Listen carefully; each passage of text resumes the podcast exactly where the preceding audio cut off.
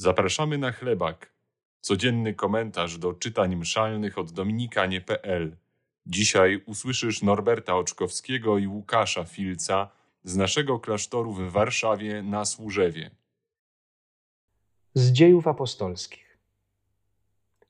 Anioł Pański powiedział do Filipa: Wstań i pójdź około południa na drogę, która prowadzi z Jerozolimy do Gazy. Jest ona pusta. A on poszedł. Właśnie wtedy przybył do Jerozolimy oddać pokłon Bogu Etiop, dworzanin królowej etiopskiej Kandaki, zarządzający całym jej skarbcem. I wracał, czytając w swoim wozie proroka Izajasza. Podejdź i przyłącz się do tego wozu, powiedział duch do Filipa. Gdy Filip podbiegł, usłyszał, że tamten czyta proroka Izajasza. Czy rozumiesz, co czytasz? zapytał. A tamten odpowiedział: Jakżeż mogę rozumieć, jeśli mi nikt nie wyjaśni? I zaprosił Filipa, aby wsiadł i spoczął przy nim. A czytał ten urywek pisma. Prowadzą go jak owce na rzeź jak baranek, który milczy, gdy go strzygą. Tak on nie otwiera ust swoich. W jego uniżeniu odmówiono mu słuszności.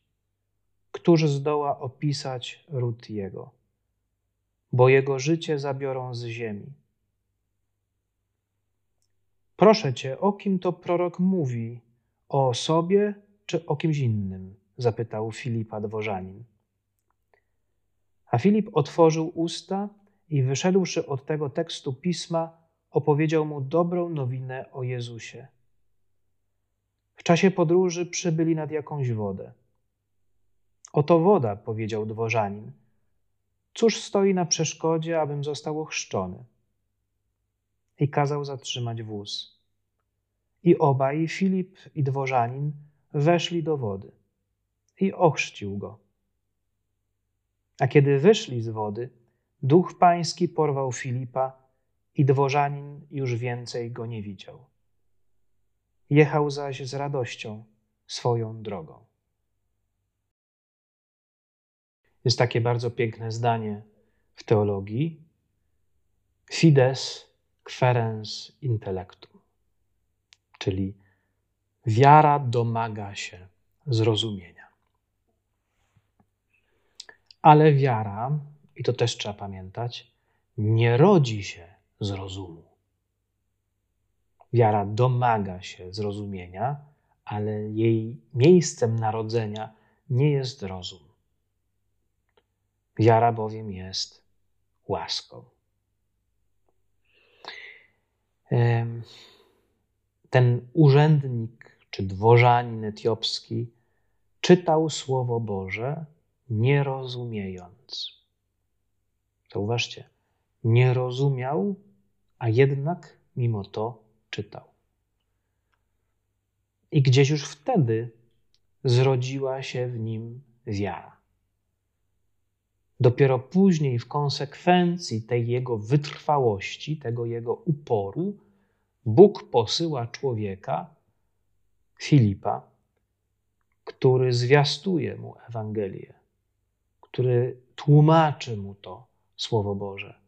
I wtedy jest na tyle dojrzały, aby przyjąć chrzest. Zatem może jest to dla nas zachęta, abyśmy nie zniechęcali się wtedy, kiedy czytamy, a nie do końca rozumiemy. Nie mówię tu może do końca o, o tym, żebyśmy się rzucali od razu na księgę kronik albo inne księgi, których, e, no, które rzeczywiście aż jakiegoś wielkiego, głębokiego przesłania e, duchowego nie niosą. I możemy być już nawet znudzeni wyliczaniem wszystkich po kolei narzędzi, które były używane w świątyni, metrów ścian i sufitów i kilogramów złota, które zostało wykorzystane do jej budowy. Ale może tak być, że czytamy Ewangelię e, i chociaż rozumiemy jej sens dosłowny, to nie rozumiemy, co Bóg przez to chce nam powiedzieć. Ja przez długi czas e, nie rozumiałem, dlaczego na modlitwie często e, Słowo Boże mi się otwiera na psalmach złorzeczących. I za każdym razem, kiedy otwierałem, prosząc o słowo, no, dostawałem właśnie jakieś przekleństwa Babilonu, e, inne takie. Nie rozumiałem, ale zostawiałem to zawsze gdzieś tam zapisane. Mm, aż w końcu gdzieś dotarło do mnie, że to są jakiegoś rodzaju egzorcyzmy Boga nad moim grzechem. Że to nie nade mną się Bóg pastwi, tylko nad tym złem, które we mnie siedzi, którego ja nie potrafię się wyrzec.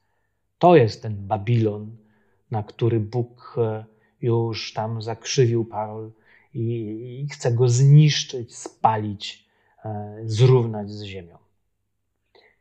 Potrzebujesz czasu, żeby sens słowa dotarł do ciebie. Potrzebujesz łaski Ducha Świętego, żeby zrozumieć. No bo w końcu hmm, chyba autor najlepiej jest w stanie ci wyjaśnić, o co w słowie chodzi, bo wie, co chciał w nim zawrzeć.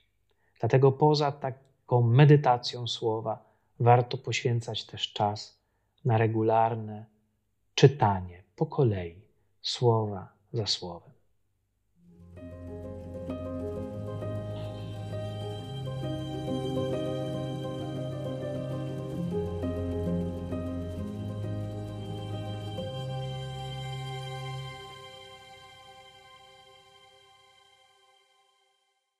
Z Ewangelii według świętego Jana. Jezus powiedział do ludu: Nikt nie może przyjść do mnie, jeżeli go nie pociągnie Ojciec, który mnie posłał. Ja zaś wskrzeszę go w dniu ostatecznym. Napisane jest u proroków: Oni wszyscy będą uczniami Boga. Każdy, kto od Ojca usłyszał i przyjął naukę, przyjdzie do mnie. Nie znaczy to, aby ktokolwiek widział Ojca. Jedynie ten, który jest od Boga, widział Ojca. Zaprawdę, zaprawdę powiadam wam, kto we mnie wierzy, ma życie wieczne. Ja jestem chlebem życia. Ojcowie wasi jedli mannę na pustyni i pomarli. To jest chleb, który z nieba zstępuje. Kto go je, nie umrze. Ja jestem chlebem żywym, który zstąpił z nieba. Jeśli ktoś spożywa ten chleb, będzie żył na wieki. Chlebem, który ja dam, jest moje ciało, wydane za życie świata.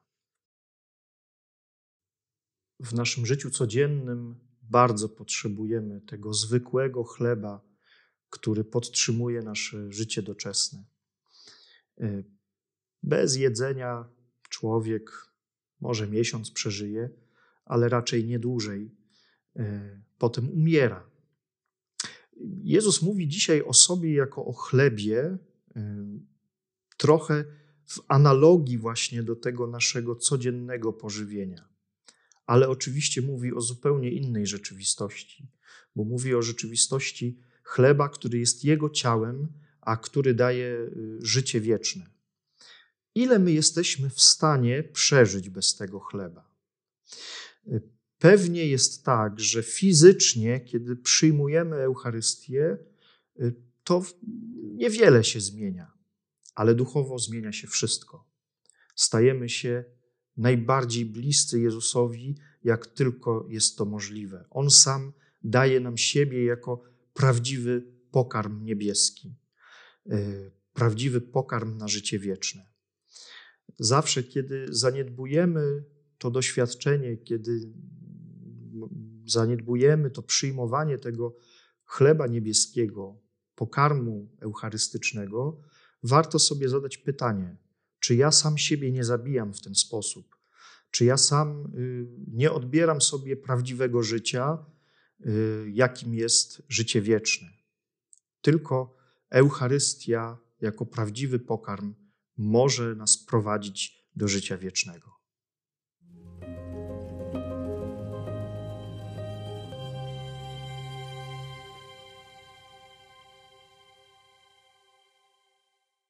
Wsparcie naszych patronów pozwala nam na głoszenie Ewangelii w internecie, również przez to nagranie. Dziękujemy.